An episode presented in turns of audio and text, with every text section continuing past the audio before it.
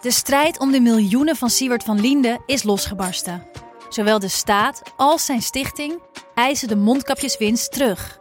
Maar dat die opbrengst in ieder geval niet thuis hoort bij Van Linde, daarover kan toch eigenlijk geen twijfel bestaan. Hoe kon het zo ver komen? Dit is het. We hebben beet. En als Siewert het geld teruggeeft, kunnen wij dit schandaal dan eindelijk loslaten? Je hoort het in de Mondkapjesmiljonairs, exclusief bij Podimo. Ga naar podimo.nl/slash mondkapjes. Deze podcast is 100% expertisevrij en alleen geschikt voor amusementsdoeleinden. De inhoud mag niet worden beschouwd als financieel advies.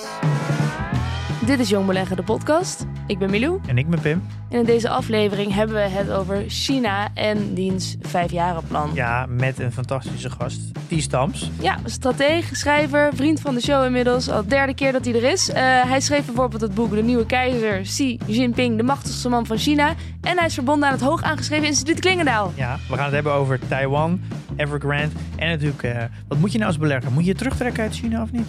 Ja, dat zijn vragen waar wij ons allebei mee bezighouden. Laten we zo beginnen.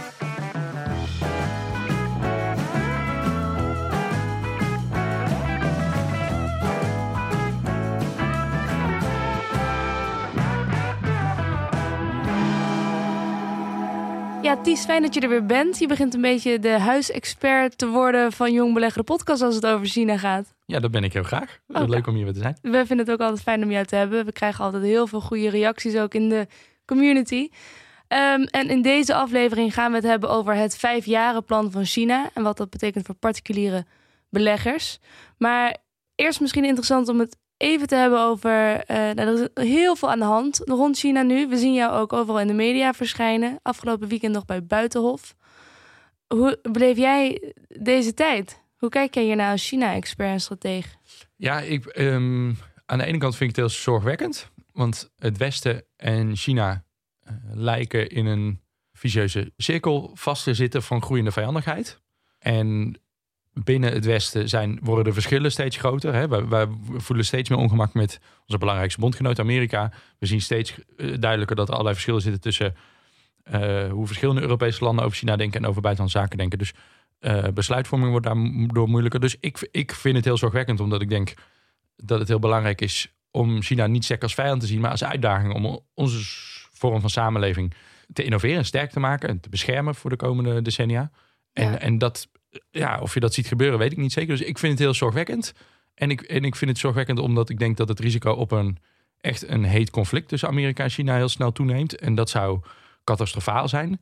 En ik vind het heel interessant omdat, ja, ik heb het geluk dan dat ik vanuit deze zorgen mijn werk kan maken om, om, om eh, dan te duiden tenminste, hoe, hoe zit het?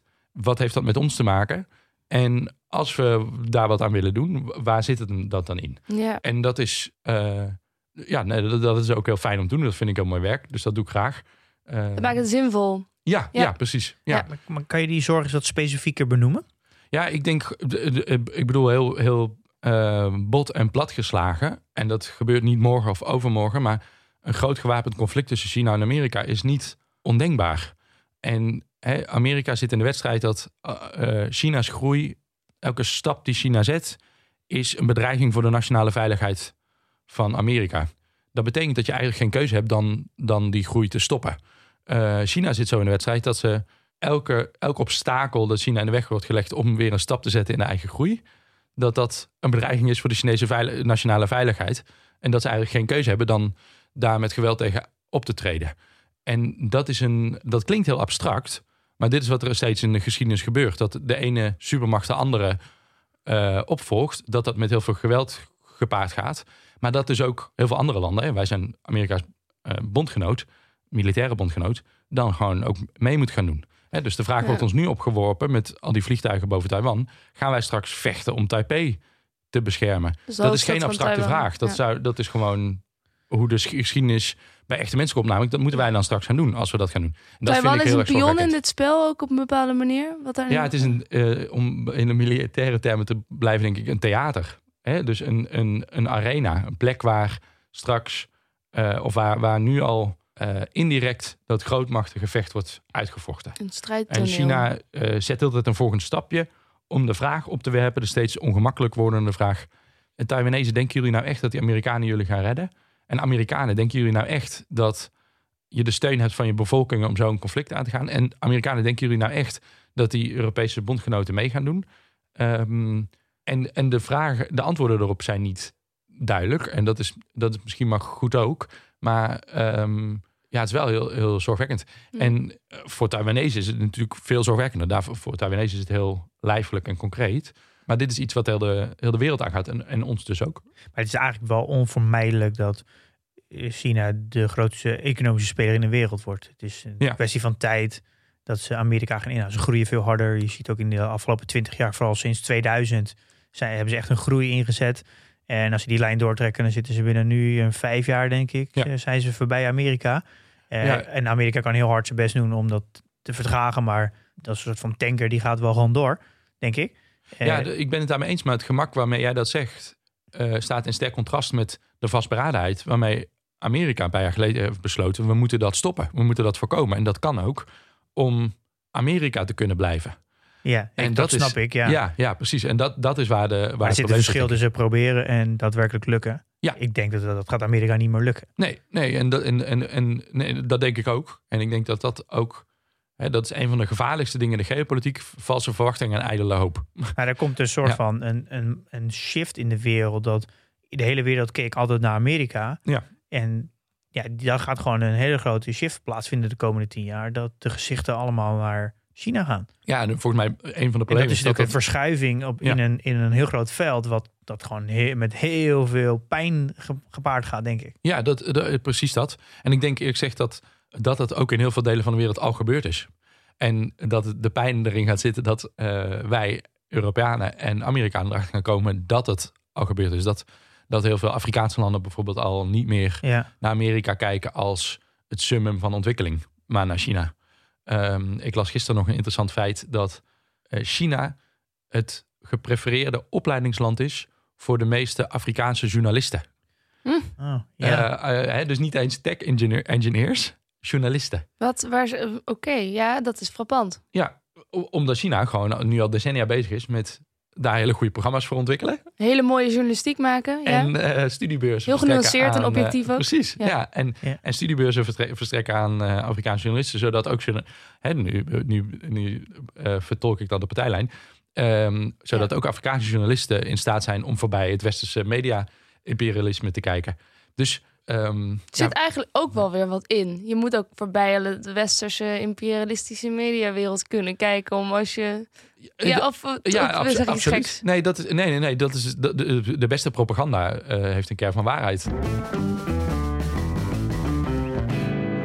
alle mooie dingen komen altijd met een lange termijn gedachte, vind ik. Dat Ja. is eh, of het nou lange termijn relaties is of als het gaat om beleggen, lange termijn. Alle, alles moet een soort van long lasting zijn. En dan krijgt het aandacht en dan wordt het op lange tijd steeds krachtiger. Ja. Eh, ook relaties en vriendschappen en zo. En China heeft dat, dat zit verweven in, in de cultuur. Alles doen ze met lange termijn gedachten. Zij kunnen gewoon met gemak gewoon twintig jaar zitten op iets Ja. om dat te laten broeden. Ja, ook omdat is- zij niet in zo'n lastig pakket met zo'n formatie zitten elke vier jaar natuurlijk Nou, dat is- en beleid. Ja, dat is wel grappig wat je dat zegt. Want ehm, ik ben nog niet helemaal overtuigd dat het echt diep in de...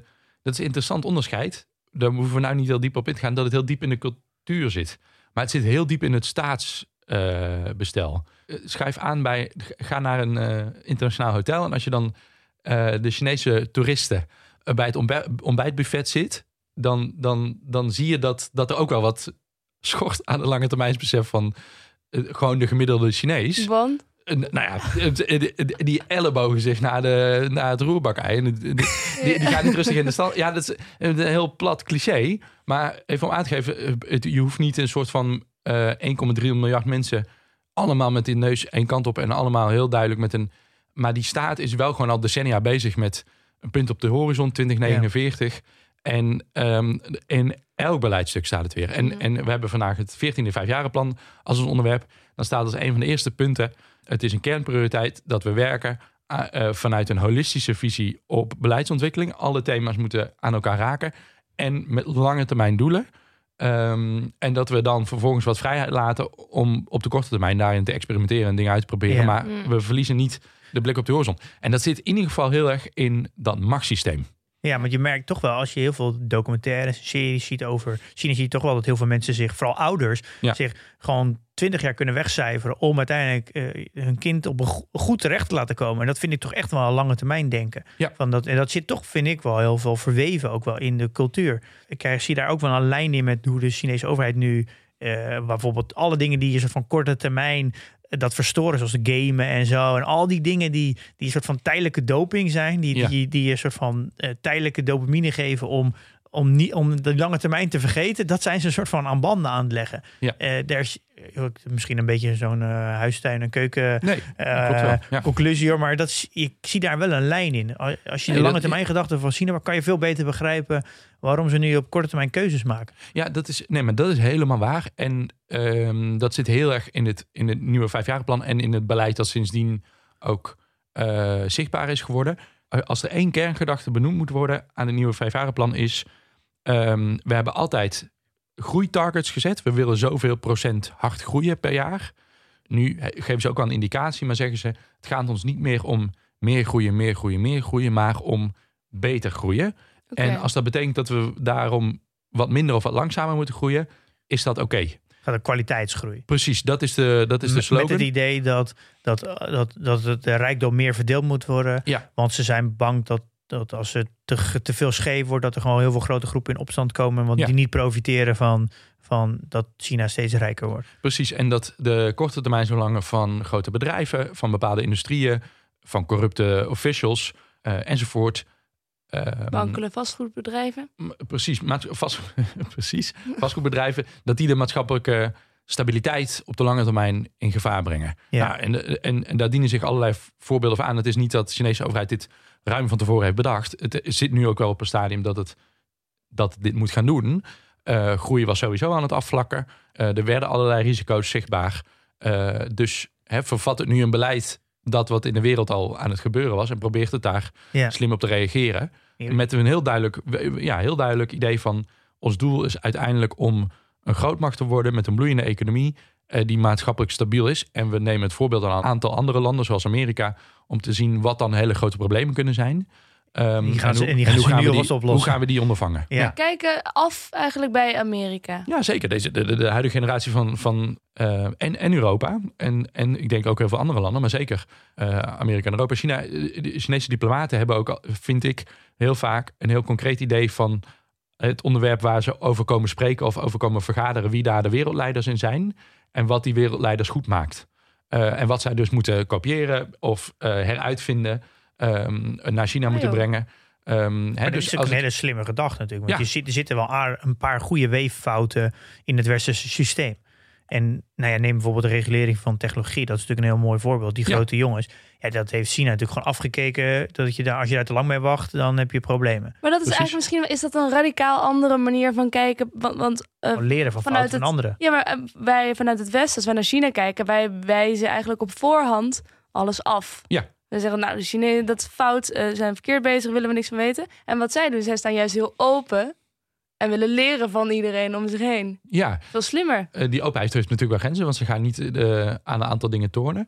Maar ik, ik ben het daar helemaal mee eens. Het, dat zit wel ook in het historisch besef, denk ik, dat de grote eeuw van vernedering, daar hebben we het eerder wel over gehad, de, de, de 100, 150 jaar dat het met China heel slecht ging, op geopolitiek en economisch vlak, is begonnen met een keizerlijke dynastie die niks wilde leren van de wereld, want zij waren het beste. Ja, ja. Ehm, eh, dus het heeft heel goed geleerd van de gevaren eh, die komen kijken en de blinde vlekken die komen kijken bij jezelf aan de top van de Ja. geopolitieke piramide wanen. En, en misschien hebben wij ook wel ja, eh, delen van, die, van diezelfde blinde vlekken, omdat we heel lang heel erg super competitief zijn geweest. En ik denk wel dat wij hierin relatief is. Ik denk dat bijvoorbeeld het Nederlandse grote bedrijfsleven dat veel minder heeft. Eh, die, die, die hebben een, misschien nog een veel concreter idee bij waar ze echt onder druk worden gezet door Chinese concurrenten bijvoorbeeld en hoe ze die concurrentieslag moeten gaan winnen. Ehm, maar zeker tussen overheden is het heel moeilijk om toe te geven. Oh, ik vind heel veel slecht aan jouw staatsvorm. Ja. Maar wil ik concurreren blijven, dan moet ik wel een paar dingen van Ja. je gaan leren, denk Ja. ik. Ja. dat is natuurlijk een- de, een van de grootste nadelen. De- Een democratie heeft heel veel voordelen, bijna alleen maar voordelen. Maar er is één heel groot nadeel aan een democratie, is dat het alleen maar korte termijn denkt. Ja. Dat Ja. is echt een, een extreem grote weeffout, vind ik, in een democratie. Eh, als je dat nog eens kan oplossen, dan, eh, dan eh, is een democratie eigenlijk een soort van ultiem. Eh, maar om, om even, eh, je stipte net het vijfjarenplan al aan. Dus kunnen we daar even een soort Ja. van samenvatting van geven om dan iets meer, eh, om daarop verder te gaan? Ja, ehm, eh, dus het, het, eh, het belangrijkste is wat ik net zei. Er wordt de overstap gemaakt van eh, meer groei, meer groei, meer groei, snel geld. En zij die eerst rijk worden, die moeten eerst maar rijk worden en dan komt de rest wel. Dat was de gedachte die Deng Xiaoping inbracht in de Chinese economie. Ehm, en waar topmannen zoals Jack Ma en, en nou, de, grote vriend van Evergrande en zo uit voort zijn gekomen. Naar we moeten toe naar een veel stabieler groeimodel. Eh, en dat houdt rekening met een aantal dingen. Dat houdt rekening met één, dat we gewoon moeten accepteren dat we niet zulke hoge groeicijfers gaan hebben als in de afgelopen decennia. Ehm, maar belangrijker, dat betekent dat we heel stevig moeten gaan investeren in wat op de lange termijn ehm, onze dominatie, dominantie op wereldmarkten gaat bepalen. En dat is niet goedkope productie en export, maar ehm, technologische inno- innovatie. En daarop echt vooruitlopen in de wereld. Dus het investeren in eh, nationale laboratoria en, en echt eigen primair onderzoek en, en RD. Mhm. Ehm, en het verstevigen van binnenlandse consumptie. Dus het, hè, de, China is heel erg in die zin afhankelijk van de wereld, omdat de Chinese economie heel erg afhankelijk is van de rest van de wereld die dingen afneemt Export, aan Chinese ja. Producten.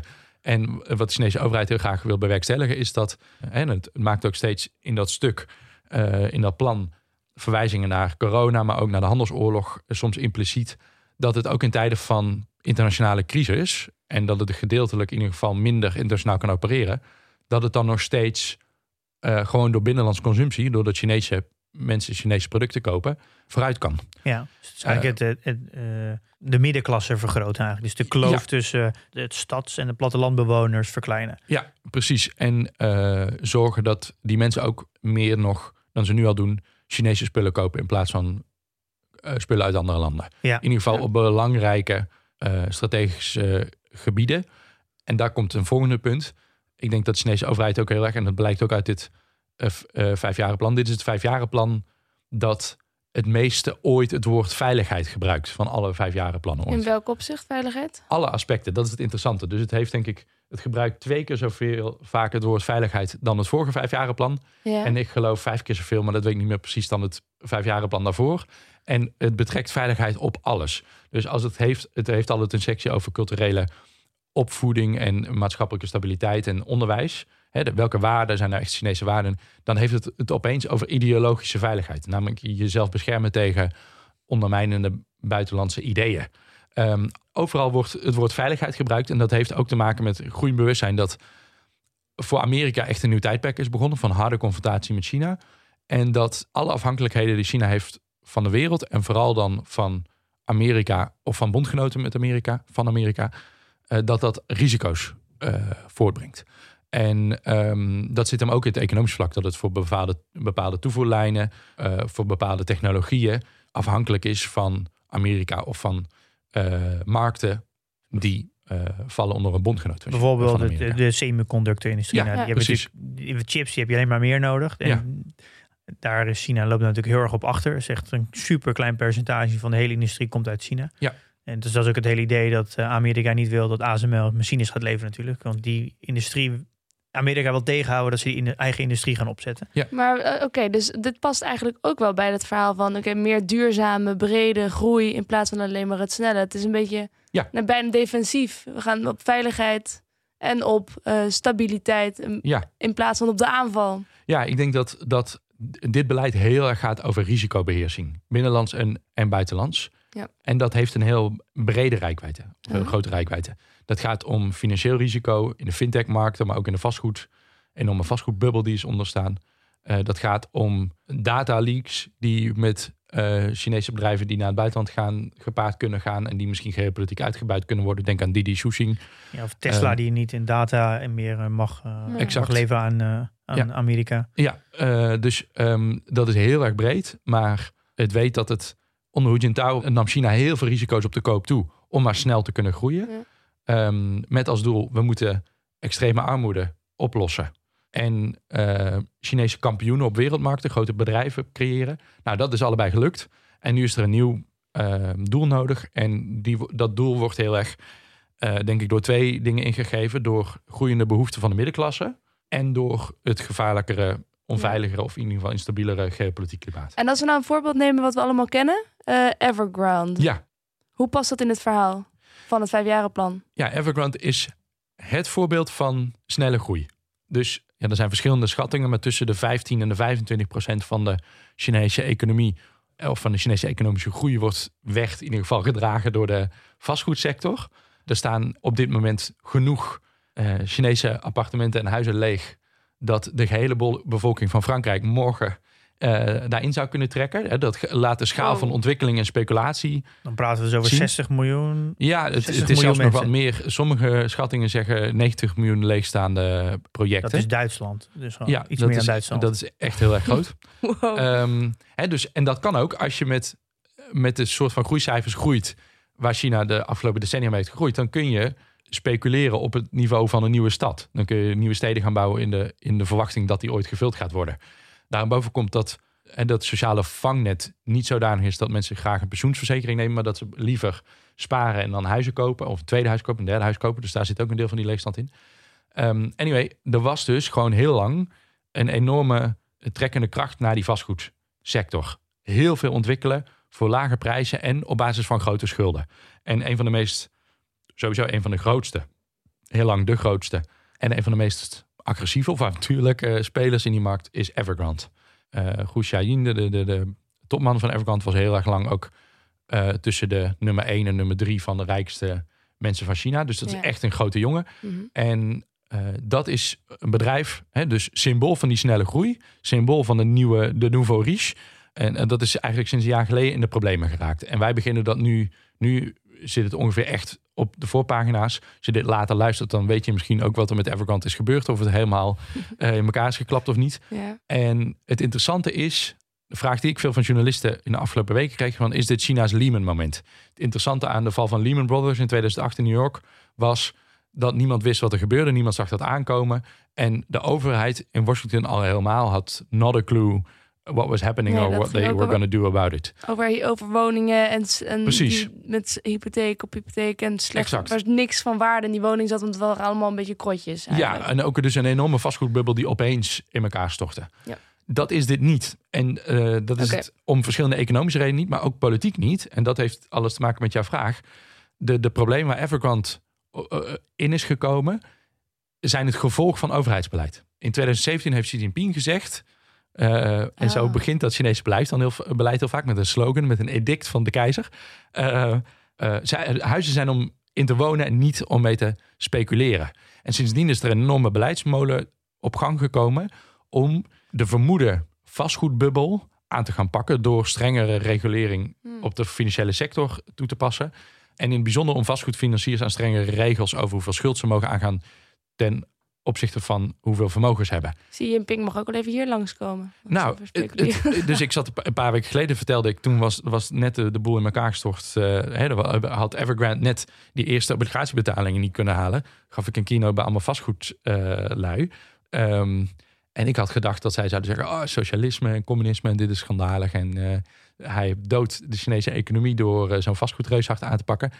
En het interessante, ja, het is natuurlijk misschien niet vertegenwoordigend, maar er zaten toch gewoon zeg maar, 30 vastgoedbobo's uit Nederland eh, in, de, in de zaal.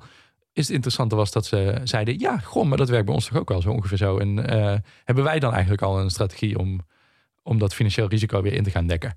Ehm, Hmm. dus eh, de, de Chinese overheid heeft er duidelijk voor gekozen wat dat risico is. Namelijk, het wil grote bedrijven die die vastgoedbubbel hebben opgeblazen, laten leiden en hard laten leiden om die bubbel weer wat in te brengen. En het wil daarvoor gewoon kwantitatieve groei inleveren, opgeven, offeren, om lange termijn risico in te perken. Ja. Om dus ooit echt een grote klap te voorkomen. Dan denk je niet dat dit een domino-effect kan zijn? Want eh, Fa- Fantasia, dat is natuurlijk Ja. een vastgoedbedrijf, dat is nu ook eh, een soort van bijna failliet verklaard. Die van de handel is stilgelegd. Ook in China? Ook in China, dat is wel een klein, heel klein bedrijf vergeleken Ja. met Evergrande.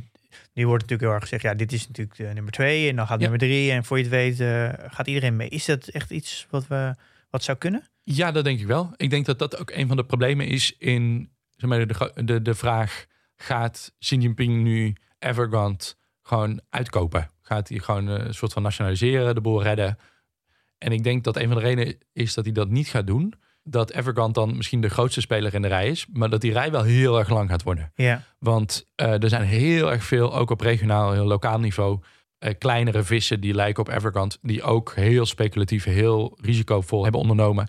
Die dan ook zullen aankloppen met, oké, red ons ook maar dan. Ja. Dus ik denk dat er een andere strategie wordt gekozen. Waarbij Evergrande, en dat gaat misschien nog wel tien jaar duren, en heel veel onderdelen opgesplitst gaat worden.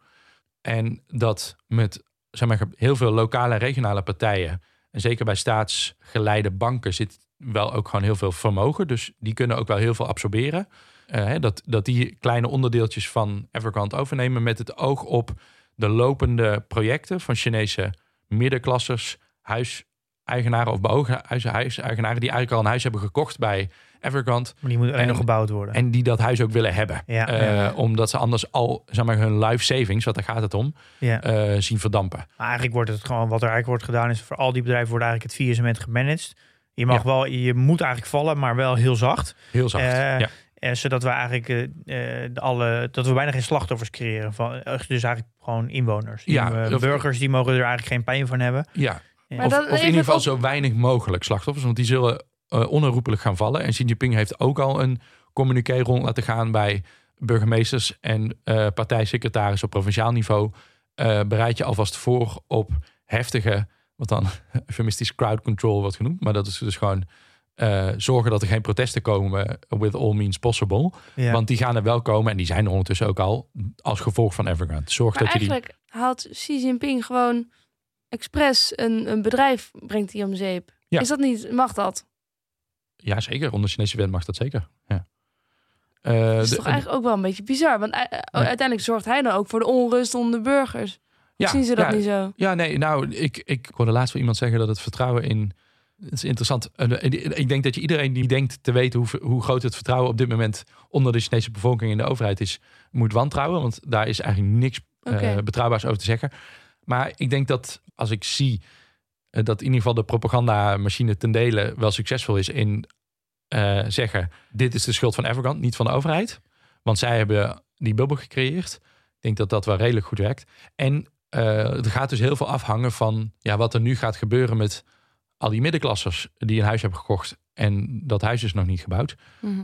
Maar in ieder geval het enige zinnige wat je erover kan zeggen is dat de Chinese overheid dit doet omdat het denkt dat het een groter maatschappelijk probleem heeft als over een tijdje die bubbel aan zich barst. Ja. Ehm, en het de boel niet meer kan redden. Die gedachte is op zich wel logisch natuurlijk. Ja. Want, is- Wat er trouwens wel nog een, een belangrijke nuance. Er is 20 miljard van die schuld van 250 miljard euro dan omgerekend.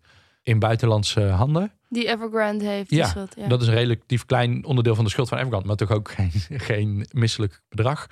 Eh, daarvan is de kans heel klein dat de Chinese overheid ook maar iets... nou, dat gaat gewoon Gaat niet terugbetalen. Nee. Dus, Oh. En dat zijn vooral heel veel passende Zuidoost-Azië en zo.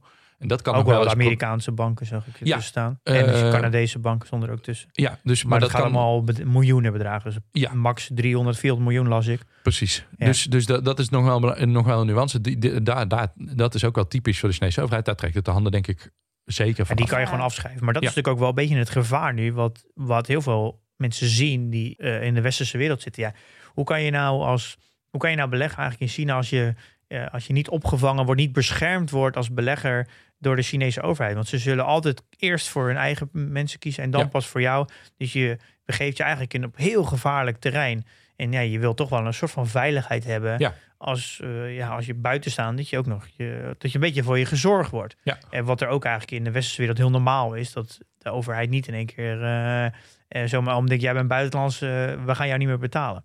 En hoe gevaarlijk is het eigenlijk om te beleggen in China?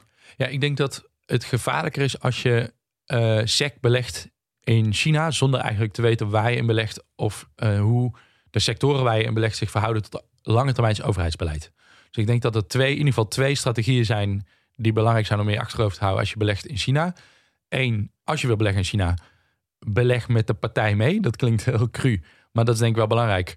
Kijk naar wat de lange termijnsdoelstellingen zijn van de partij. Wat voor implicaties die hebben voor concrete eh, economische sectoren en voor concrete technologieën.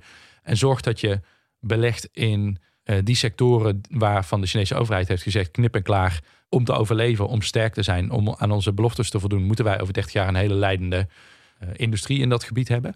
Um, en twee, um, wat uh, in ieder geval strategie kan zijn om ook dat geopolitiek risico te spreiden.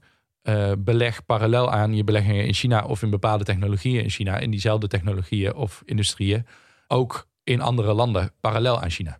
Um, hè, dus uh, zet niet al je geld bijvoorbeeld op de kunstmatige intelligentieontwikkeling in China. Doe dat als je dat interessant vindt wel, maar doe dat dan ook uh, bij partners in Zuid-Korea, in Japan of ja, in, zo, in zo, zo spreiden. Dus natuurlijk, uh, eigenlijk ja. sowieso goed advies. Ja, precies. Maar de, dus je kunt ja. ook, ook, spreiden met een geopolitieke bril. Ja, dat snap ik. Ja. Dus en, wereldwijd spreiden, op, ook op thema's. Maar heel lang is denk ik, dat heb, merk ik wel als ik met veel mensen praat erover die dat hebben gedaan. Heel lang is het idee gewoon geweest, je belegt in China, eh, SEC. Want mm. hoge groeicijfers en waar je dan ook zit, je lift wel mee. En dat is volgens mij wel wat ook dit de laatste vijf jaren plan uitlegt. Dat tijdperk is wel ja, dat, dat is een beetje het grootste argument natuurlijk om ja. in China te beleggen. Ja, de economie groeit, het hard, snelst groeiende economie in de wereld. Dus je kan eigenlijk je niet veroorloven om er niet te zijn. Dat is eigenlijk een beetje ja. het algemene verhaal. Eh, maar is dat wel echt waar? En ja, je mij eigenlijk... niet veroorloven, wil je het mislopen? Um, ja, dat is het in algemeen... het kader van misschien mensenrechten of zo. Ja, maar ik, ik heb het nu even over het algemeen verhaal. Okay, dat is uh, als het gaat over beleggen in China. Want je wil, je, ja. moet be, je wil beleggen in groei. Dat is waar natuurlijk de, de rendementen zitten. Eh, verklaar je mij eigenlijk voor gek dat ik uh, in, uh, in China beleg, in Baidu, Tencent en Alibaba? Nee, want ik denk dat dat. Nee, nee, nee, zeker niet. Ik denk dat als je 90% van je portefeuille daarin had, dat, dan, dat je dan wel een probleem zou hebben. Ik denk dat als je het alleen maar deed voor met een korte termijnbril op, dat het misschien nu ook niet slim zou zijn. Maar wat ik begrijp is dat je slim spreidt en um, dat je dat met een lange termijnbril doet. Dat je dit doet om echt op de lange termijn rendementen te behalen. En ik denk dat in ieder geval vanuit Chinese politiek bekeken, uh, deze bedrijven heel belangrijk gaan zijn en een hele sterke positie blijven hebben. Dat bepaalde aspecten van hun business nu aan strengere regulering onderworpen worden. Dat ze daarom nu zeker op de korte termijn een flinke knauw krijgen. Dat op de middellange termijn en lange termijn ze wel daar ook effect van gaan ondervinden. Maar dat heel veel andere aspecten van, dit zijn zulke grote bedrijven ook, heel veel andere aspecten van hun ontwikkelingen, van hun, van, zeker van de innovatie die ze brengen, uh, enorm gesteund gaat worden door Chinees beleid. En enorm kansrijk zijn, gewoon kijken naar waar de wereldeconomie zich naartoe beweegt. Uh, het is grappig is, Evergrande, dus nu het slechtste voorbeeld van uh, waar je met je geld in had kunnen zitten in ja. China. Maar heeft ook nog steeds een hele beloftevolle en, en sterke um, tak waar het aan de ontwikkeling van uh, bijvoorbeeld elektrische auto's doet. Waarvan de Chinese overheid heeft gezegd dat is een topprioriteit dat we dat moeten gaan ontwikkelen. Dus zo'n gek idee. Hè, uh, het zou zomaar kunnen dat, dat die tak nu dus opgekocht wordt, gaat worden door een ander bedrijf. En dat daar echt nog wel heel veel groei uit voort gaat komen. En dat, dat toont aan volgens mij dat je dus dat nu het punt is gekomen om te gaan kijken naar in wie beleg ik echt in China en hoezeer zit dat bedrijf um, uh, in hele risicovolle sectoren die tegen um, uh, beleidsdoelstellingen ingaan. En hoe, uh, hoezeer zit het ook in hele beloftevolle sectoren, waar ik dus alle ups en downs op de korte termijn dagen laat, op de lange termijn groei kan verwachten. Uh, dus met die blik op denk ik dat je nog steeds niet gek bent als je in China investeert. Ja, zolang het maar goed gespreid is met een klein percentage en dat je ja. meegaat met de Chinese overheid. En, een, en lange termijn, dus eigenlijk het, hoe dezelfde lange termijn denken wat de overheid ja. uh, daar heeft, moet, moet jij als belegger eigenlijk ook hebben als je belegt. In ja, en daarbij zou je nog een derde factor op kunnen tellen, namelijk die sectoren, en daar wordt het al heel veel moeilijker om daarin te investeren, waarvan Europese overheden en Amerikaanse overheden gaan zeggen, alle investeringen in die sectoren zijn voor ons een, uh, dat is een kwestie van nationale veiligheid. Omdat China die, de ontwikkeling van die technologieën ook gaat gebruiken in defensie. En we gaan het dus Europese beleggers moeilijker maken om daarin in China te beleggen. Ja. Daarin is het doorgaans al moeilijk om te beleggen. Maar bijvoorbeeld, uh, er zijn wel Amerikaanse fondsen waar je in had kunnen beleggen, die stevig ook nu zijn aangepakt door de Amerikaanse toezichthouders, omdat ze Chinese technologieën ontwikkelden of helpen, financierden die eh, door China ook aangemerkt worden als een kern van, een van een defensiestrategie. Ja, ja. Ehm, dus dan heb je het geopolitieke risico, het politieke risico en ook gewoon de lange termijn kansen van Chinees je beleid. Ja. eh, in, in één overweging. Dan mag ik ook één vraag stellen? Want ik, komt ongetwijfeld voort uit mijn morele kompas. Maar vind jij dat we ons ook moeten bezighouden met de vraag of het wel oké is om China te sponsoren? Als Ja. we kijken naar het wereldbeeld wat zij hebben versus het westerse denken? Ja, zeker. Ik denk dat dat heel belangrijk is. En ik denk dat het heel belangrijk is dat je dat als pa- particuliere belegger doet. Eh, ik denk dat het ook heel belangrijk is dat we gewoon een maatschappelijke discussie hebben als het gaat om grote institutionele beleggers en investeerders en onze banken. eh, waar we eigenlijk nog heel beperkt zicht hebben in hoeverre die en waar die allemaal aanwezig zijn. Maar dat ze flink inzetten op China, dat is zeker. En, en dan kom je wel een beetje terug op Pim's eerdere opmerking, wat het ons kost om dat dan niet te doen. Hè, nu zitten bijvoorbeeld pensioenuitvoerders in de situatie dat pensioenfondsen gewoon echt harder eh, aan harde eisen eh, zitten van dit is het rendement dat we moeten maken. En dat Nederlandse pensioengerechtigen heel boos worden als, dat, als die rendementen niet gehaald worden. Ehm, maar dat het tegelijkertijd moet diversificeren weg van China, om, eh, omdat het vanwege mensenrechten schendingen of andere geopolitieke risico's. Ehm, en, en dat die eh, uitvoerders met de hand, eh, handen in het haar kunnen zitten met de vraag: maar hoe gaan we dan die ren- rendementen halen? Ja, een beetje hetzelfde met het gasverhaal. Want we kunnen wel gewoon Ja. weer de gaskraan dichtdraaien. Maar waar gaan we dan dat gas vandaan halen? Ja, en ik en niemand zou, wil meer betalen. Ja, en, en ik zou zeggen dat wat ontbreekt is misschien niet eens de wil. Je kunt niet de wil hebben om te zeggen: oké, dan offeren we rendement op om beter in de wereld te staan.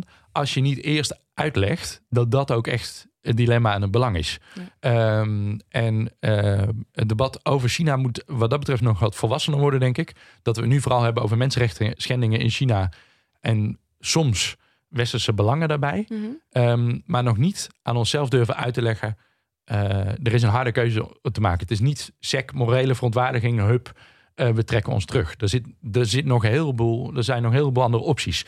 En ehm, dat zijn pijnlijke keuzes en daarom is het moeilijk om dat te zeggen. Maar dat is wel de, eh, meer het debat waar we naartoe moeten. Ja, En daar moeten we het dus met, eh, schrijf je pensioenfonds aan. Eh, ehm, waarom doe je dat eigenlijk? En wat zou, wat zou de projecties zijn voor rendementen als, je, als we zouden wegtrekken? Ehm, dat- is, Ja. dat is denk ik een hele belangrijke discussie om te hebben. En als particuliere belegger kun je dat zelf doen. Ehm, en dan kun je ook gewoon eh, je realiseren: oké, ik heb zoveel rendement misschien ingeleverd, eh, eh, maar nu zit ik niet in die en die sectoren. Ik denk wel dat wat voor mij ook belangrijk is om te zeggen eh, dat een totale afwijzing van economische of financiële verwevenheid met China ons volledig eh, op ideologische gronden, omdat we zeggen China is fout, daar willen we niks mee te maken hebben. Dus we trekken ons helemaal terug. Ehm, dat ik zeker voor individuele beleggers dat heel goed kan begrijpen en, en te verantwoorden vind. Maar als land en als het Westen eh, is dat ook heel gevaarlijk. We hebben geen realistische strategie, nog gaat die er zijn om China echt van aard te veranderen. Eh, daar, die invloed hebben wij niet. En eh, zo'n harde ontkoppeling nastreven maakt het ook veel waarschijnlijker dat we in een hard conflict komen. En dat is ook niet goed voor de wereld. Hm. Dus eh, ja, een soort van strategisch engagement. Dat je wel verbonden blijft met China, maar dat je werkt aan je eigen capaciteit om dingen stapje voor stapje toch te veranderen. Of om in ieder geval zelf er beter in te staan. Dat is de saaie, grijze, moeilijke, pijnlijke middenweg die volgens mij uiteindelijk het meest moreel is. Sprak de strateeg. Ja, dat, eh, dat denk ik. Ja, interessant. Ja, ik, ehm, ik ben eigenlijk wel heel benieuwd over waar belegt nou een gemiddelde Chinees in? Is, is, is dat echt in aandelen of zit dat echt alleen maar in vastgoed? En zijn wij als eigenlijk westerse burger eigenlijk vooral gewend om in aandelen te beleggen? Oeh ja, leer ons de Chinees kennen. Ja, dat is, nou, dat is een goede vraag. Eh, voor zover ik weet, maar ik denk dat, dat misschien mijn kennis hiervan ook te beperkt is, is dat inderdaad heel eh, grotendeels in vastgoed. En er stond ook in, het, in dat laatste vijfjarenplan steeds eh, meer opengesteld voor particuliere beleggers. En daar wordt ook steeds meer eh, gebruik van gemaakt. Maar dat is historisch niet een hele sterke. Eh, die, die kapitaalmarkten Nee. zijn gewoon niet sterk ontwikkeld. Ehm, dus eh, het simpele antwoord is dat vastgoed daarin gewoon de dominante factor is. Dat vind ik dus wel zorgelijk als, als belegger Ja. buiten China. Want ik wil het liefst meebeleggen met de gemiddelde Chinees. Ja. Want ja, dan weet ik in ieder geval zeker dat ze, als er heel veel lokale mensen een belang hebben, Ja. dan zullen ze er ook veel meer voor zorgen. Maar ik heb nu steeds meer het idee dat er steeds meer eh, Europese en Amerikaanse beleggers in de grote techbedrijven zitten. Ja. En heel weinig lokale mensen. Dus als het, zoals nu, gewoon 50% naar beneden gaat, dat de pijn vooral buiten China is en niet in China. Ja. En dat is natuurlijk eigenlijk best zorgelijk als belegger. Ja, ik zou eigenlijk niet weten. het feit of het, ja, de, de observatie dat Europese en Amerikaanse beleggers vooral in die techbedrijven zitten, die, die klopt natuurlijk knip en klaar. Maar eh, ik, weet, ik zou eigenlijk niet weten. eh, Dat is heel interessant om uit te zoeken wat de verhouding is tussen, zeg maar, als je kijkt naar de aandelen Tencent, tussen buitenlands en, en binnenlands eh SEC. Ehm, Tencent is ook weer apart omdat het dat procesaandeel heeft. Ja. Ehm, en zeker als je dat uitsplitst nog naar particuliere beleggers. Dat zou ik eigenlijk niet, niet zeker weten. Nee, maar de, over voornamelijk vastgoed, dat is wel echt een beetje Ja, de... ja, de gewoon, ja. zeg maar, als je de gemiddelde Chinese middenklasse bent en je hebt geld op de bank staan, dan ga je een extra appartement kopen of nog een extra Ja, appartement. maar je kan dus eigenlijk wel eh, als een soort van grote zorg uiten dat eh, het, het wordt wel aantrekkelijker om in Chinese aandelen als de, als de, de, de gemiddelde Chinees ook meer in aandelen gaat. Ja. En zolang dat niet gebeurt, blijft het risico best wel aanwezig dat, dat bedrijven toch wel gezien worden als, als iets wat gewoon sociaal moet bijdragen, maar Ja. dat het niet een vorm is waar je vermogen mee kan ophouden. Ja, maar dat is wel dus ook, ook getuige het laatste vijfjarenplan iets wat de overheid wil veranderen. En waar je ook echt wel, je ziet toch gewoon dat die Chinese kapitaalmarkt in ieder geval voor Chinezen steeds toegankelijker worden. Eh, een van de redenen waarom het, denk ik, waarom die een aantal van die fintech eh, aspecten van de Ant Group zo heel snel heel populair waren geworden, was dat omdat het een manier was voor mensen om super laagdrempelig hun vermogen op, ook op andere manieren, dus bijvoorbeeld door lening aan, aan andere kleine ondernemers eh, uit te schrijven, eh, konden inzetten voor een rendement. Ehm, en een van de redenen waarom dat aangepakt wordt, is omdat de Chinese overheid vreest dat daar heel veel risico uit voortkomt. En omdat het wil dat het, eh, dat, dat in kanalen terechtkomt waar het zelf overzicht over heeft. Ja. Ehm, Het zijn eigenlijk eh, concurrenten van de staatsbanken natuurlijk. ja, en dan heeft het liever dat dat dus inderdaad in, in kapitaalmarkten terechtkomt of bij de grotere staatsbanken. Ehm, maar die zijn gewoon niet zo, nog niet zo competitief. Die zijn nog niet zo toegankelijk. Want je krijgt natuurlijk wel een, een, een. Ik snap wel dat ze daar misschien nog wel van afblijven. Want je krijgt natuurlijk best wel een dilemma als overheid. Dat zie je natuurlijk nu in Amerika. Is dat, nou ja, bijna gewoon de gemiddelde Amerikaan. die zit in die grote techbedrijven. met Ja. hun pensioen, met hun, eh, met hun spaargeld. Dus de overheid zit in een heel ja, raar water nu. Want Ja. ten eerste willen ze de burgers zelf beschermen. omdat er monopolies zijn. Maar aan de andere kant profiteert de burger er ook weer van. Ja. dat het een monopolie is, omdat het groeit. en daar eh, dus een pensioen en een spaargeld erin zit. Dus Ja. je hebt zowel eh, voordeel als nadeel. Eh, maar dan krijg je dus heel veel weerstand als je dat gaat, flink gaat ingrijpen. Ja. Dan heb je misschien het voordeel dat je het een consument meer beschermt. Maar het nadeel dat je diezelfde consument ook een heel stukje van zijn pensioen ja, misschien vermindert. Ja. En dat is natuurlijk een heel ja, moeilijk speelveld waar je op speelt. Waardoor je, je wordt eigenlijk gewoon, je legt jezelf lam om, om überhaupt in te grijpen. Ja, en, de- en, en je ziet dus ook dat de Amerikaanse overheid niet ingrijpt bij grote techbedrijven. Ja, dus dat als, gebeurt dus, gewoon helemaal dus niks. als Ja. je als, als Chinese overheid eh, niet in dat, in dat spagaat wil komen, Ja. wil je eigenlijk niet dat te veel eh, ja, gewoon burgers eigenlijk eh, eigenaar worden van bedrijven, want dan wordt het ingrijpen steeds lastiger. Ja, en, en, en, En vastgoed eh, is dan veel fijner natuurlijk. Ja, en om, om, het heeft dus ook betrekking op geopolitieke risico's, denk ik. Dus als je kijkt naar het wit, de lijn die de Witte, het Witte Huis nu trekt ten aanzien van China, dan is het financial decoupling. En waar het daartoe in staat is, probeert het ook Chinese bedrijven, bijvoorbeeld van de New York Stock Exchange, eh, te delisten. Ehm, nou, daar hebben we het eerder ook al over gehad. Eh, tegelijkertijd opent BlackRock, de grootste vermogensbeheerder ter wereld, ehm, de Amerikaanse tak daarvan, eh, het eerste fully foreign-owned eh, mutual fund in Beijing.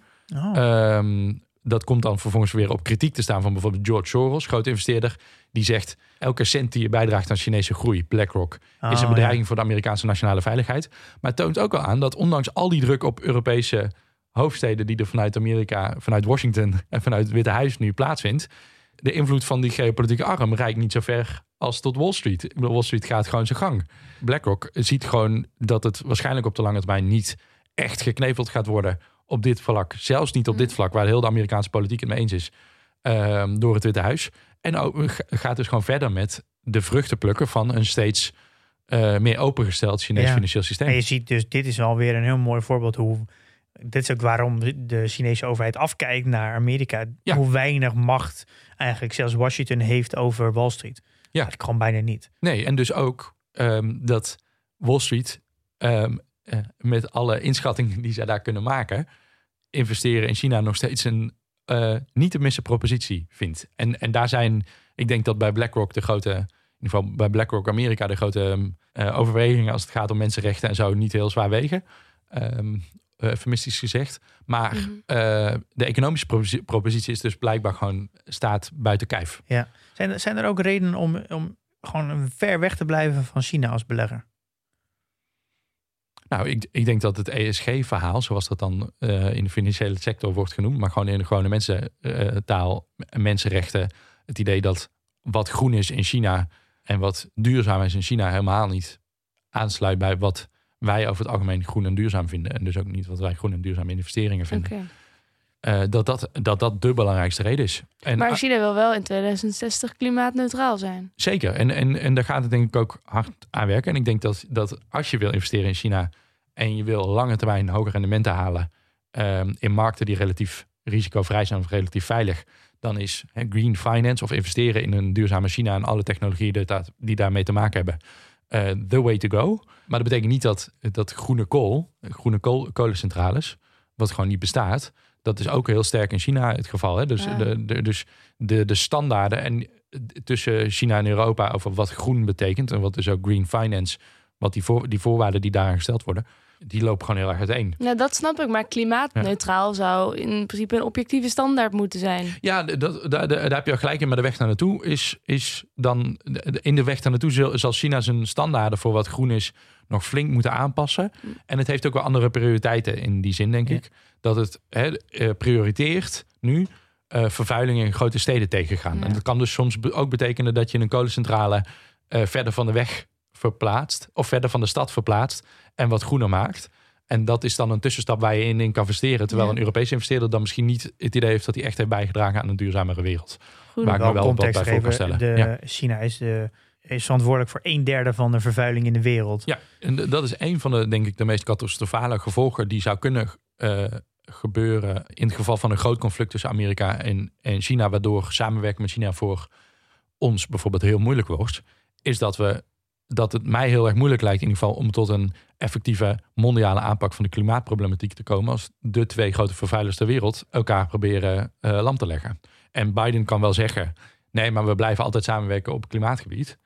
Um, Maar dat, heeft, dat kun je alleen doen door heel veel financiële stromen mogelijk te maken, door heel veel technologische uitwisseling mogelijk te maken. En dat doe je niet als je in een full frontal geopolitiek conflict bezig bent. En, en, en, dus de andere kant van het verhaal is dat die rendementen in China relatief goed zijn. Ook omdat de Chinese de overheid zegt, wij moeten dit gaan doen om zelf... De CCP heeft heel duidelijk dat het gewoon een duurzame China moet opleveren. Wil de middenklasse over 30 jaar de CCP nog steeds aardig vinden. Ja, want je kan niet ehm, meer leven in een gemiddelde Chinese stad als ze het niet gaan nee, oplossen. Dus dat geeft wel een gevoel van urgentie voor de overheid waar je als investeerder wel op kan rekenen. Denk ik. Ja, dit is, je wordt daar niet oud in een gemiddelde stad eh, met nee. al de smok en zo. En, en als je eenmaal uh, een, een tweeverdienend stel bij, bij een groot bedrijf in China bent en je woont midden in Shanghai, dan ga je op een gegeven moment ook wel denken, ja oké, de eh, extreme poverty oplossen, dat was leuk voor mijn opa en oma.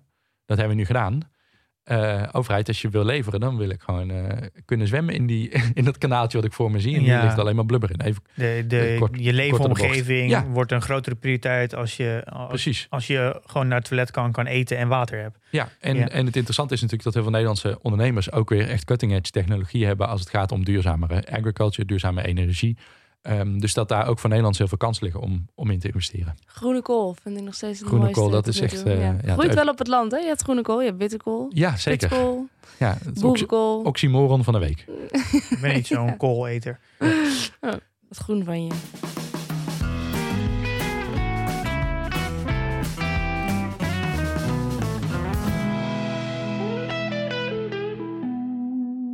China is nu is best bezig om dingen nu echt te gaan reguleren en zo. Denk je dat dat op lange termijn juist heel positief is? Zodat dat gaat voorkomen dat er een, een soort van uh, grote crisis gaat komen? Of dat er een soort van black swan kan ontstaan? Ja, dat denk ik wel. Ik denk in ieder geval dat als je het nu kijkt naar die vastgoedbubbel. Daar schreef de Chinese overheid ook al jarenlang over. Daar schreef iedereen al jarenlang over. Er zat zoveel risico in die, in die vastgoedsector. Dat moest een keer aangepakt worden. En ik vind het heel moeilijk om economisch het huidige beleid te beoordelen.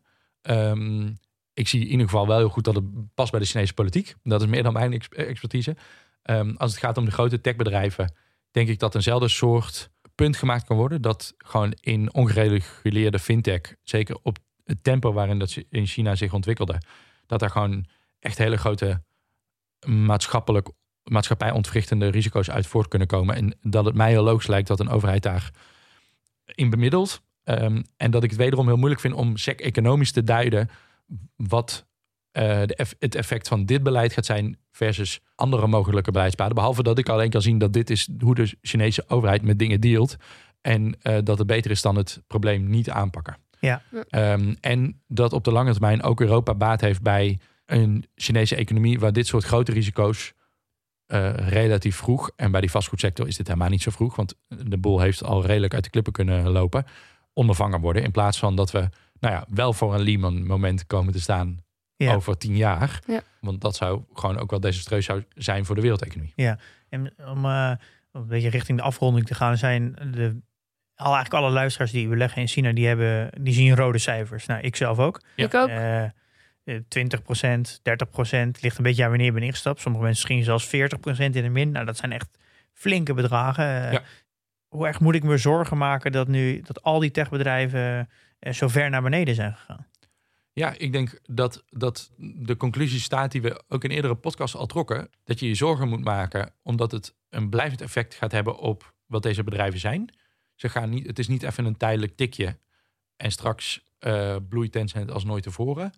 Maar dat uh, de zorgen niet zo ver moeten gaan als Xi Jinping knevelt uh, de grote Chinese bedrijven en, en die Chinese economie gaat nu in het slop. De lange termijn propositie van die, van die bedrijven blijft uh, bestaan en zal verschuiven naar andere sectoren. En er blijft dus ook een incentive om te blijven investeren in die bedrijven. Maar op de korte termijn, ja, je have to take your loss. Dat, Ja. is, dat is gewoon wat er aan de hand is. Durf jij een inschatting te maken? Wat, je hebt een lange termijn, over hoeveel jaren praat je dan? Eh, ik denk dat die regulering. eh ehm, Eden, jouw geweldige collega van AXA, een grote vermogensbeheerder die in, in eh, China werkzaam is als macro-econoom, die zegt Common Prosperity, dat is dus het nieuwe grote beleidsplan van China, van Xi Jinping, om de economie een nieuwe- nieuwe richting te geven. Dat gaat nog decennia duren. Ik denk in ieder geval deze slag in toezichthouders optuigen, weer kracht geven, nieuwe regels stellen aan verschillende sectoren, gaat sowieso nog wel tien jaar door. Ehm, en dat betekent niet dat het tien jaar lang misère is op de aandelenmarkten. Maar dat betekent wel dat er tien jaar lang nog eh, geïnvesteerd gaan worden, gaat worden in de re- veranderende relatie tussen markt en macht. In Ja. veel verschillende concrete eh, sectoren, van big tech tot vastgoed, tot banken. Eh, ga zo maar verder. Dus eigenlijk die, die koerswijziging die nu gaan is, dat kan echt nog wel jarenlang duren. En, Ja, en, is- en dus heel erg aandelenkoersen mogelijk drukken. Ja, en, en mogelijk zelfs nog voorbij de heerschappij van Xi Jinping. Hè. De, de, de, de- dat vorige doel van extreme armoede oplossen, dat heeft ook decennia lang bestaan. En dit is eh, de grote uitdaging waar China nu voor staat. Globaliserende supermacht zijn, die tegelijkertijd maatschappelijke stabiliteit bewaakt, vermogensongelijkheid en inkomensongelijkheid enigszins in perken houdt en geopolitieke risico's aan kan. Ja. Nou, de, de, vraag, de grote vraag is vooral, eh, denk ik, of het het voor elkaar krijgt. Ehm, of dat beleid echt eh, hè, en dit nieuwe model van globalisering en van een grootmacht zijn echt gaat lukken. Het klinkt wel heel verstandig allemaal. Ja, ehm, en, en, maar eh, dat is ook omdat het, denk ik, net begint. Dus dat gaat een hele moeilijke weg worden. Hm. Eh, en dat zie je nu ook met Evergrande. Eh, er gaan gewoon heel veel problemen zich voordoen. En if anything is de Chinese overheid en de CCP een crisisgedreven en risico geobsedeerde machine die dus zo slim strategisch handelt, omdat het heel de tijd ziet dat er mogelijke beren op de weg zijn en daar probeert vooraf op te reageren. En die is en lijkt de CCP wel een beetje op jou, Pim. Jij bent ook een risico. Nou, ik wilde eigenlijk net zeggen, daar kunnen beleggers nog een hoop van leren. Eh, want ik denk dat, dat je als belegger altijd eerst naar de risico's moet kijken en dan naar Ja. de, de upside. Ja. En misschien had ik dit ook meer bij China moeten doen voordat ik instapte. Eh, dat is natuurlijk een hele interessante vraag. Van ja, wat moet ik nou met, met China in mijn portefeuille? Eh, moet ik bijkopen? Moet ik wachten? Moet ik er nu vanuit eh, uitstappen en misschien over een paar jaar weer terugkijken, gewoon mijn verlies pakken en even de komende jaren kijken hoe dat ontwikkelt? Dat is natuurlijk een hele, ik voor heel veel mensen een actuele vraag. Wat ga jij doen Ook dan, voor mij. denk je? Ja, daar ben ik nog niet over uit. Hmm. Ehm, ik, ja, we nodigen natuurlijk ook Ties uit om, eh, om te helpen om Ja. hier antwoord op te geven. Nou, laat het even bezinken allemaal. Ja, nee, natuurlijk. Eh, geeft, ja, je leert wel een hoop van China om eh, ook ja, daarin betere keuzes Ja. te maken. En Milo heeft jou, want jij stelt daar een paar keer een hele terechte vraag. Ehm, heeft jou eh, de politieke situatie in China en ehm, eh, van mensenrechten schendingen tot ESG-standaarden die niet of wel kloppen, het ook ertoe, heeft dat jouw beleggingsactiviteit ten aanzien van China beïnvloed? Heb jij, Ja. Zit jij op het punt dat je denkt, ja, ik moet dat gewoon niet doen? Ja, ik, ik merk dat ik me er gewoon ongemakkelijk bij voel. En dat ik Ja. me er ook een beetje voor schaam. Dat ik dus zo'n ETF met eh, Ja. de 50 grootste bedrijven van China heb. Dus ik heb sinds ik dat echt ben gaan voelen... en ik merk dat ik dat, ik dat niet fijn vind eigenlijk... heb ik ook niks meer ervan bijgekocht. Oh ja. Ja. Ehm, en en ik, ik zit ook te denken van ja, misschien wil ik het wel ook Ja, om die je er reden nog niet vanaf. verkopen. Ja. Hoeveel fiducie heb je in de lange termijn op dat een bepaald systeem daadwerkelijk gaat werken? Nou, ik geloof wel heilig in een lange termijnvisie. Ja. Zeker ook omdat we het zien bij onze eigen politiek. Hoe, hoe eh, nou ja, eh, wat een handicap dat kan zijn. Ja. Ik heb daar wel vertrouwen in dat China dit dat gewoon slim weer aan het doen is allemaal. Ik, Daar geloof ik wel in. Misschien moeten we het ook een keer hebben over ehm, wat dan eigenlijk de krachten zijn van ons systeem als je kijkt vanuit de problemen die er ontstaan in concurrentie met, eh, met China. Ja. Ik denk dat we ook nog wel eens onderschatten hoeveel lange termijns. Kijk, Rutte heeft geen lange termijnsvisie en daar is hij trots op. Maar toch in onze systemen Mhm. is dat wel aanwezig. En dat is, dat is het maffe aan democratie, dat het toch ook enorm responsief en adaptief is. Ja. En zeker op Europees niveau is er heel veel mis. En toch krijgen we in, op, hè, en, en reageren we heel belabberd op een, in het begin op een coronacrisis. Ja. En ligt er aan het eind van de rit een eh, steunfonds geleend van kapitaalmarkten, collectief van alle Europese landen van 750 miljard dollar Ja. klaar om ons eruit te redden. En blijken we dus toch handelingsbekwaam op een of andere manier. Dus daar zouden we misschien ook nog Ja. wel... Dus het ontbreekt, Eh, ontbreekt misschien bij ons aan een fatsoenlijke communicatie over het lange termijn strategie. Een beetje waar Jitse Groen ook last van heeft. Ja. Weet je, eh. Eh, als, als, gewoon misschien als overheid of als politiek ver- hebben wij te weinig over Ja. de toekomst en over plannen die besproken. En gaat het veel te veel over de korte termijn. Maar misschien gebeurt het in de achterkamer dus Ja. wel heel veel op lange termijn. Ja, ik zou iedereen aanraden om, om het boek eh, deze week uitgekomen van Luc van Middelaar, Pandemonium, te lezen. Dat Oh, gaat exact hierover. En Luc van Middelaar is niet in Nederland, maar in Europa en in de wereld de beste persoon om hierover te lezen of te spreken. Kent de Europese instituties van binnenuit, is een realist en ziet in te midden van alle crisis toch een, een handelend en een veerkrachtig Europa ontstaan. Ehm, dus het zou heel, inter- ja, nou goed, ik, en het is Mm. ook een mooi boek. Ik raad iedereen aan eh, dat ik erbij maar notes zetten. Als je hem zo even naar mij Ja, stuurt, ga ik hem Ja. erin zetten. Oké? Ja, het Toch nog laatste. een positieve noot. Ja, ja, het We laatste lijken woord. een zootje ongeregeld hier in Nederland. Maar uiteindelijk blijken we toch best wel handelsbekwaam. Ik zou zeggen dat we nog even naar het portfolio moeten. Ja, ehm, nou ja, niks, niks gedaan. Dus het wordt een korte update. Ik heb wel natuurlijk een, eh, een waarde. 200.000, 32, Eh, nou, dat is echt weer een, eh, stukje lager. Een all-time low. Eh, ja, ik ben volgens mij wel, eh, echt wel flink gezakt. Ik ben wel 6, 7 procent kwijtgeraakt volgens een all-time high. Dus het is, eh, de markten zijn, eh, die gaan heel erg op en neer. Dus onrustige tijden. En komt dat allemaal uit China of eh, ook is het across the board? eh? Nou, ik, ik denk dat het een beetje komt. We zijn gewoon anderhalf jaar om erbij een rechte lijn omhoog gegaan. Ja. En nu komen, nu komen eigenlijk alle scheurtjes. Dus, eh, nou ja, handelstekorten, containers zijn duur. eh, de energieproblemen eh, schieten de pannen Ja. uit. eh, inflatie, rente gaat misschien omhoog. Nou, China, Afrika, politieke onrust overal. Dus het was een soort van anderhalf jaar alleen maar alles ging de goede kant op. Ja. En nu ja, wordt er gewoon, komt er gewoon wat meer, wat meer zorgen. En ik denk ook wel dat het gezond is na anderhalf jaar omhoog gaan, dat er wat correcties zijn. Ja. Eh, maar ik denk dat wel heel veel beleggers nu voor het eerst meemaken dat de beurs ook naar beneden kan gaan. En dat sommige aandelen ook echt wel flink opgelopen zijn en ook nu weer flink naar beneden gaan. Dus een beetje met eh, de trap omhoog en met de lift naar beneden.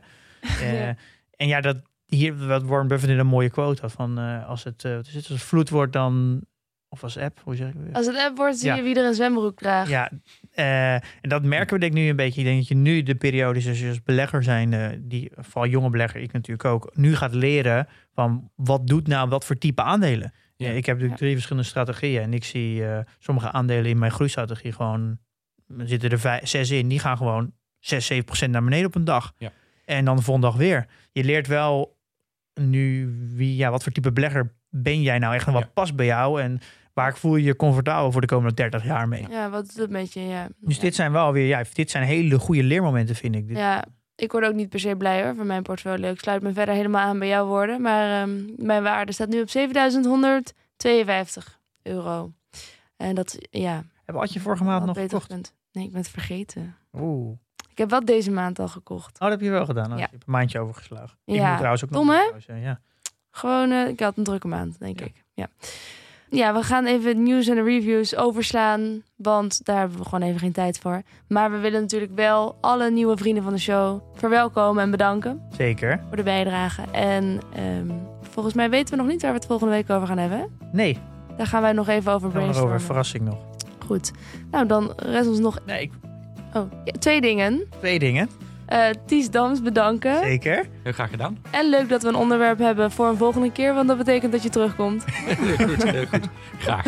Goed. En nou, dan rest mij nog één ding nu. En dat is te zeggen: investeer in je kennis en beleg met beleid.